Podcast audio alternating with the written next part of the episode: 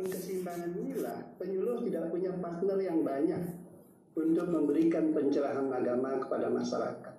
Oleh karenanya saya berharap Bapak dan Ibu semua penyuluh silakan fokus melaksanakan tugasnya sebagai obor pemberi penerang kepada masyarakat. Jangan lalu kebalik setelah ada penyuluh kehidupan umat kita semakin kacau. Ini yang kita gagal. Harapannya adalah penyuluh harus memiliki satu kesatuan persepsi dalam memberikan sesuluh kepada umat kita Hindu di Indonesia. Tidak boleh ada penyuluh yang ke barat dan ke timur dan sebagainya dalam suatu ide. Nah inilah pentingnya salah satu Bapak dan Ibu Forum-forum semacam ini harus terus dibangun, dikembangkan untuk yang pertama adalah menyatukan visi dan misi persepsi dalam memberikan eh, apa, pencerahan kepada umat kita. Lalu yang kedua, Bapak dan Ibu, saya tertarik sekali dengan ide, ya, tema yang eh, dicanangkan oleh Koluh dibahas dalam hari ini adalah Candi Sastra Hari Suci Saraswati adalah momen yang memang uh, tepat karena minggu-minggu ini kita sedang menyambut hari turunnya ilmu pengetahuan. Tentu kajiannya saya berharap kepada teman-teman semua melalui narasumber atau pembawa materi atau makalah nanti silahkan didiskusikan didalami ya bagaimana mengilmiahkan sesuatu yang verstehen. Agama itu kan verstehen ya Bapak Ibu. Sesuatu yang ada dalam eh, keyakinan, dalam hati. Tidak nyata, tetapi bagaimana menyatakan sehingga kita paham tentang apa makna simbol yang ada dalam setiap perayaan hari raya keagamaan. Contoh misalnya Bapak dan Ibu, saya tidak mengambil peran inti ya materi ini. Eh, dalam konsep Trimurti misalnya Bapak dan Ibu, ya nanti silakan didalami lagi. Dalam e, Brahma Widya disebut demikian sekarang. Dan kalau kita kuliah ya dari perguruan tinggi, konsep filsafat tentang ketuhanan Hindu. Mengenal konsepsi Trimurti ya Brahma, Wisnu, Siwa ya Brahma sebagai pencipta saktinya adalah ilmu pengetahuan. Brahma itu pencipta. Saktinya adalah Saraswati sebagai dewi ilmu pengetahuan makna inilah yang apa pengertian inilah yang sudah sangat fasih dipahami oleh umat kita di mana pun berada. Bahwa Brahma adalah pencipta dalam konsep Trimurti. Saktinya adalah ilmu pengetahuan.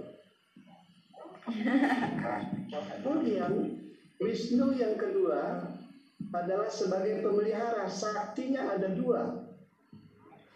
Disebutkan demikian Sri dan Laksmi kenapa dua Kenapa Sakti Wisnu ini adalah Sri dan Laksmi? Ini filsafat ini harus dikupas dan dipahami supaya kita dapatkan pemahaman yang dalam dalam konsep berkeagamaan ini. Lalu yang ketiga dalam konsep Trimurti yang ketiga adalah Siwa. Di sana kita diajari ya dalam kitab suci kita bahwa sakti siwa kenapa ada dua? Ada Durga, ada Parwati atau Uma. Ini bukanlah sesuatu yang tidak memiliki makna yang dalam. Ini sekali lagi adalah memiliki makna yang harus dikaji sehingga umat kita paham tentang konsep ketuhanan itu implementasinya dalam kehidupan nyata kemanusiaan. Saya ingin mengajak Bapak dan Ibu melihat di awal Rahmat Awal hidup itu adalah ilmu dulu Awal kehidupan kehidupan awal ciptaan manusia diciptakan oleh Brahma. Saraswatilah kesaktian kita. Bahwa ilmu membuat manusia bisa sejahtera dan bahagia terlihat oleh Wisnu. Jadi itu Bapak dan Ibu, hanya orang yang berilmu lah yang berpeluang akan mengalami menikmati hidup bahagia dan sejahtera. Bahwa ilmu dalam konsep Hindu adalah yang pertama dan utama. Maka Brahma saat ini adalah Saraswati ini konsepsi filosofis ajaran Hindu yang luar biasa yang belum dikupas secara baik dan disosialisasikan kepada umat kita. Bukan hanya sekedar simbol. Bahwa dalam hidup saya ulangi lagi sekali dalam hidup manusia tercipta oleh Brahma kesaktiannya adalah ilmu untuk masa depan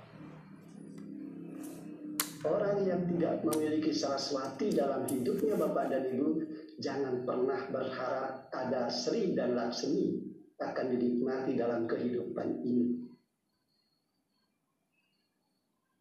Ya Bapak Ibu ya, orang yang saraswatinya lemah tidak akan pernah Sri dan Laksmi dalam hidupnya.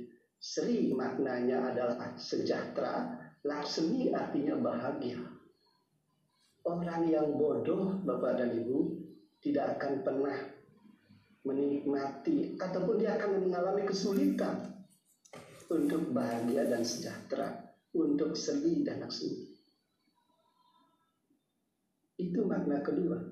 Baik kita lakukan, arwati kita ketemu. Buruk perilaku kita dalam hidup, durga akan ketemu. Jadi di akhir siklus kehidupan manusia Bapak dan Ibu, kebaikan akan kembali kepada kebaikan, keburukan akan kembali kepada keburukan. Itulah konsep Trimurti dalam kehidupan manusia. Jadi silahkan dikupas terus Bapak dan Ibu sebagai penyuluh Karena penyuluh ini harus berilmu Harus mampu menjadi pencerah Tidak membuat umat kita bingung Mari kita gali apa yang sudah ada Mari kita pahami dan terus disosialisasikan Bapak dan Ibu Apa yang sudah ada di kita yang belum mampu kita pahami dan melalui forum-forum diskusi semacam ini di situlah diperdalam. Saya kira Bapak dan Ibu, Zoom akan disiapkan sepanjang Bapak berkreasi ya semacam ini. Silakan nanti kontak langsung dengan Bu Desa ya dengan Ibu Kasubit yang apa yang bisa difasilitasi untuk mempertajam lini depan pembinaan umat kita. Bapak dan Ibu hadirin sekalian yang saya hormati. Lalu yang ketiga, Bapak ada, Bapak dan Ibu penyuluh ada pada lini terdepan dalam kehidupan manusia. Sungguhlah mulia penyuluh ini Bapak dan Ibu. Saya berani katakan mulia dan itu diyakini Bapak dan Ibu, penyuluh inilah orang-orang pilihan tidak ada yang lebih mulia Bapak dan Ibu orang yang telah terlahir ke bumi ini dipilih oleh Tuhan untuk menjadi seorang pencerah ajaran Tuhan. Kita bisa makan di situ dan kita bisa mengakhiri hidup kita dengan damai ketika kita mampu memahami ajaran Tuhan Ada tiga esensi hidup manusia Bapak Ibu ini sebagai motivasi motivasi saya kepada teman-teman penyuluh semua. Jangan pernah katakan penyuluh ini adalah pegawai pinggiran, pegawai tidak penting. Penyuluh adalah pegawai penting dan terpenting di Kemenak. Penyuluh ini adalah pegawai penting dan terpenting di Kemenak. Dan sekarang penyuluh menjadi apa? Sangat seksi, ya banyak yang berminat untuk ke penyuluh. Bapak Ibu berada pada hal yang paling esensi dalam kehidupan manusia. Ada tiga esensi yang paling yang paling dicari, yang paling dirindukan oleh manusia. Esensi yang pertama adalah agama. Esensi kebutuhan hidup manusia yang pertama adalah agama Esensi penting yang kedua kebutuhan hidup manusia adalah ilmu. Esensi ketiga kebutuhan hidup manusia adalah seni dan kemudian melahirkan budaya. Hanya tiga ini esensi kebutuhan hidup manusia dan penyuluh agama ada pada esensi pokok ini.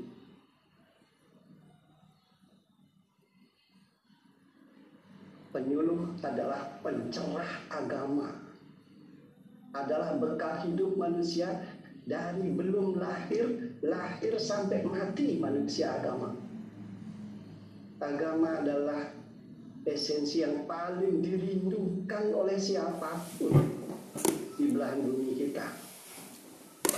Agama adalah sesuatu yang paling dicari dalam hidup manusia dari sebelum hidup, hidup sampai mati agama. Menjelang agama, orang yang paling dirindukan manusia adalah agama spiritual. Penyuluh bekerja di esensi pokok itu. Penyuluh ada pada esensi utama kehidupan manusia itu.